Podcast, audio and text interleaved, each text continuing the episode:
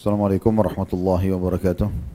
Alhamdulillah wassalatu wassalamu ala Rasulillah. Segala puji dan puja kehadirat Allah Subhanahu wa taala juga salawat dan taslim kepada Nabi besar Muhammad sallallahu alaihi wa ala alihi wa sahbihi wasallam. Kita melanjutkan pada buku kita Sahih Targhib Tarhib dan masih dalam kitab Salat Sunnah. Masuk di bab baru bab ke-9 masalah anjuran membaca doa-doa ketika beranjak tidur dan keterangan tentang orang yang tidur namun tidak berzikir kepada Allah taala. Hadis pertama dengan sanad sahih, ini ada sembilan buah hadis dalam bab ini. Tentu kita hanya baca beberapa sekarang. Hadis pertama dengan sanad sahih urutan 603 dari awal belajar berbunyi dari Al-Bara' bin Azib radhiyallahu anhu dia berkata, Nabi sallallahu alaihi wasallam bersabda, "Idza ataita madja'ak fatawadda wudu'aka lis-salah, thumma taji' ala shikkika al-ayman, thumma qul" اللهم إني أسلمت نفسي إليك ووجهت وجهي إليك وفوضت أمري إليك وألجأت ظهري إليك ragbatan wa rahbatan ilaik la malja'a wa la manja minka illa ilaik amantu bi kitabika alladhi anzalt wa bi nabiyika alladhi arsalt Apabila kamu mendatangi pembaringanmu atau tempat tidurmu untuk tidur, maka beruduklah seperti wudukmu untuk solat, lalu berbaringlah di sisi kananmu, kemudian membaca. Langsung kita saja kita ambil pelajaran dari hadis di sini. Potongan hadis ini memberikan gambaran kepada kita agar dianjurkan dua hal kalau mau tidur. Beruduk, sebenarnya tiga hal ya. Yang pertama beruduk sebelum tidur sudah kita jelaskan di bab ke-8. Ada kurang lebih enam buah hadis menjelaskan tentang keutamaan orang yang bersuci sebelum tidur. Mudah-mudahan tidak dilupa tadi waktu duhur, yaitu didoakan oleh malaikat setiap kali bangun, bahkan ada riwayat setiap kali bergerak. Asal dia beruduk, semoga Allah ampuni dia. Kemudian riwayat yang lain menjelaskan kalau dia berdoa maka akan diijabah oleh Allah Subhanahu wa taala. Kemudian yang kedua dianjurkan dari hadis ini adalah tidur di sisi kanan. Dari balik sisi kanan ini adalah termasuk sunnah Nabi alaihi salatu wassalam. Kemudian yang ketiga dianjurkan membaca doa ini. Doanya adalah Allahumma inni aslamtu nafsi ilaik ya Allah sungguhnya aku menyerahkan diriku kepadamu wa wajjahtu wajhi ilaik dan aku menghadapkan wajahku kepadamu wa fawwadtu amri ilaik dan aku menyerahkan semua urusanku kepadamu wa alja'tu dhahri ilaik. Dan aku menyandarkan punggungku kepadamu. La malja'a wa la manja minka illa ilaik. Tidak ada karena berharap mendapatkan rahmatmu dan takut akan siksamu.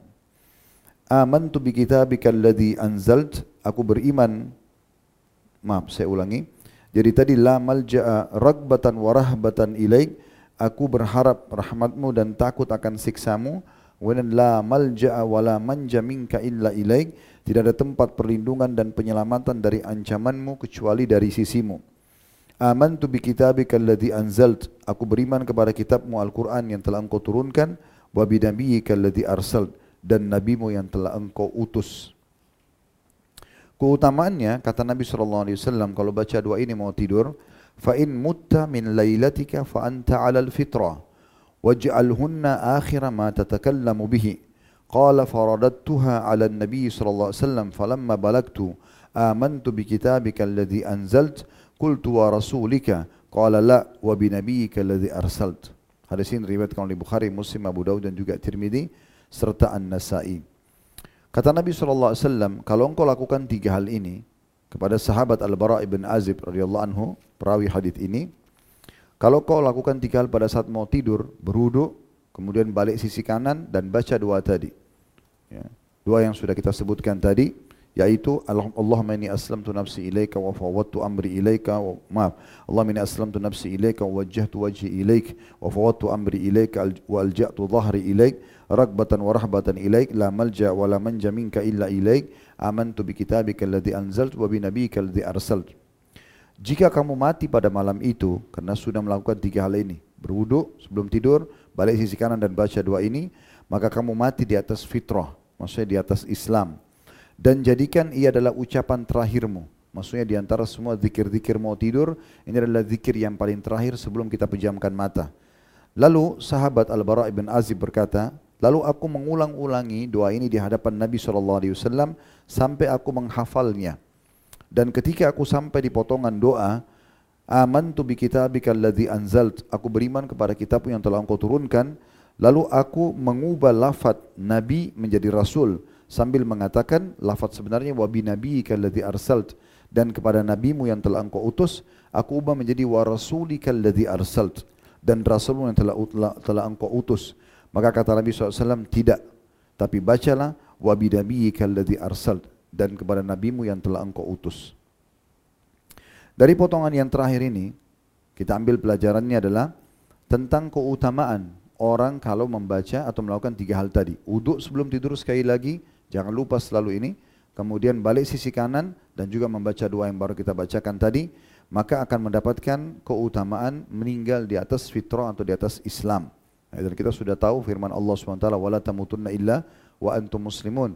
Jangan pernah wafat kecuali kalian dalam keadaan Islam karena ini tiket ya yang kita bisa katakan tiket ya khusus ini untuk masuk ke dalam surga. Karena tidak akan masuk ke dalam surga kata Nabi SAW dalam hadis lain kecuali jiwa yang sudah muslim. Kemudian kata Nabi SAW jadikan ini adalah akhir bacaanmu maksudnya di antara urutan doa-doa. Lalu sahabat ini ada pelajaran penting di sini yang perlu kita ambil. Sahabat ini mengulang-ulangi sampai menghafal. Dan ini menandakan teman-teman kalau antum sedang menemukan satu doa yang baru, maka usahakan dihafal. Langsung dihafal pada saat itu dan diulang-ulangi. Kalau sudah diulang-ulangi dan dihafal, lalu langsung dipraktikkan supaya tidak lupa. Jangan cuma tahu keutamaan tapi tidak diamalkan. Dan ada pesan penting di sini. Waktu Al-Bara' ibn Azib, karena beliau orang Arab dan faham bahasa Arab sebenarnya. Ada alasan. Waktu potongan doa terakhir, aman tu bi kitabika allazi anzalt, aku beriman kepada kitab yang telah engkau turunkan, wa bidamiyyika allazi arsalt, dan kepada nabimu yang telah engkau utus. Dalam grammar bahasa Arab, kalau kita pertemukan antara istilah Nabi sama Rasul, maka Rasul lebih lebih umum ya, karena semua Rasul pasti Nabi masuk dalamnya. Tapi tidak semua Nabi itu Rasul. Karena Rasul Allah dat utus untuk membawa risalah atau membawa uh, apa syariat baru, menghapus syariat sebelumnya. Sementara Nabi hanya mengingatkan apa yang disampaikan Nabi dan Rasul sebelumnya. Jadi lafaz Rasul lebih umum, gitu kan?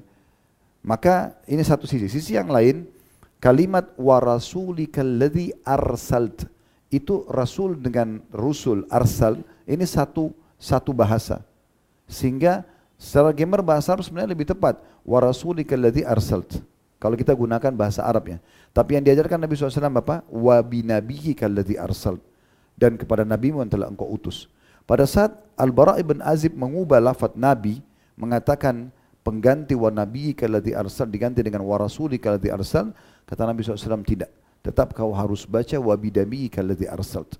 Apa pesannya di sini? Kita harus menukil teman-teman sekalian seperti apa yang diajarkan oleh baginda Nabi wassalam. Jangan diubah-ubah lafadznya.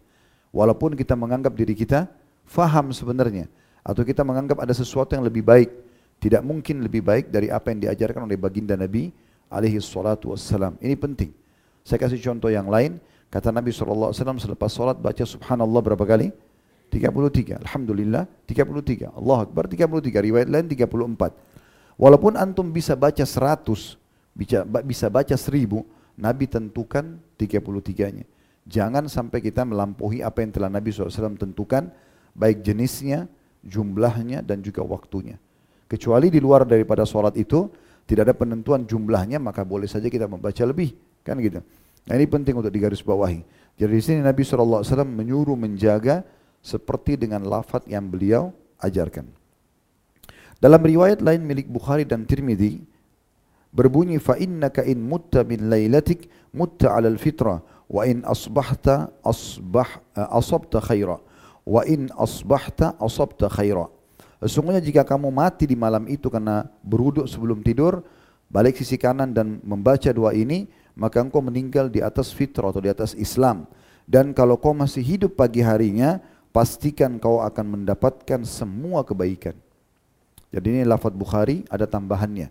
Bukan cuma sekedar kalau mati dalam keadaan Islam, tapi juga kalau kita hidup dijamin akan mendapatkan semua kebaikan. Maknanya kebutuhan-kebutuhan kita akan dipenuhi dengan izin Allah Subhanahu wa taala. Ini zikir yang disebutkan yang pertama dan kita cuma sampai sini insyaallah. Nanti pada kita akan masuk ke zikir yang kedua dan hadis yang kedua dalam bab ini. Subhanakallahumma bihamdika asyhadu an la ilaha illa anta astaghfiruka wa atubu ilaik. Assalamualaikum warahmatullahi wabarakatuh.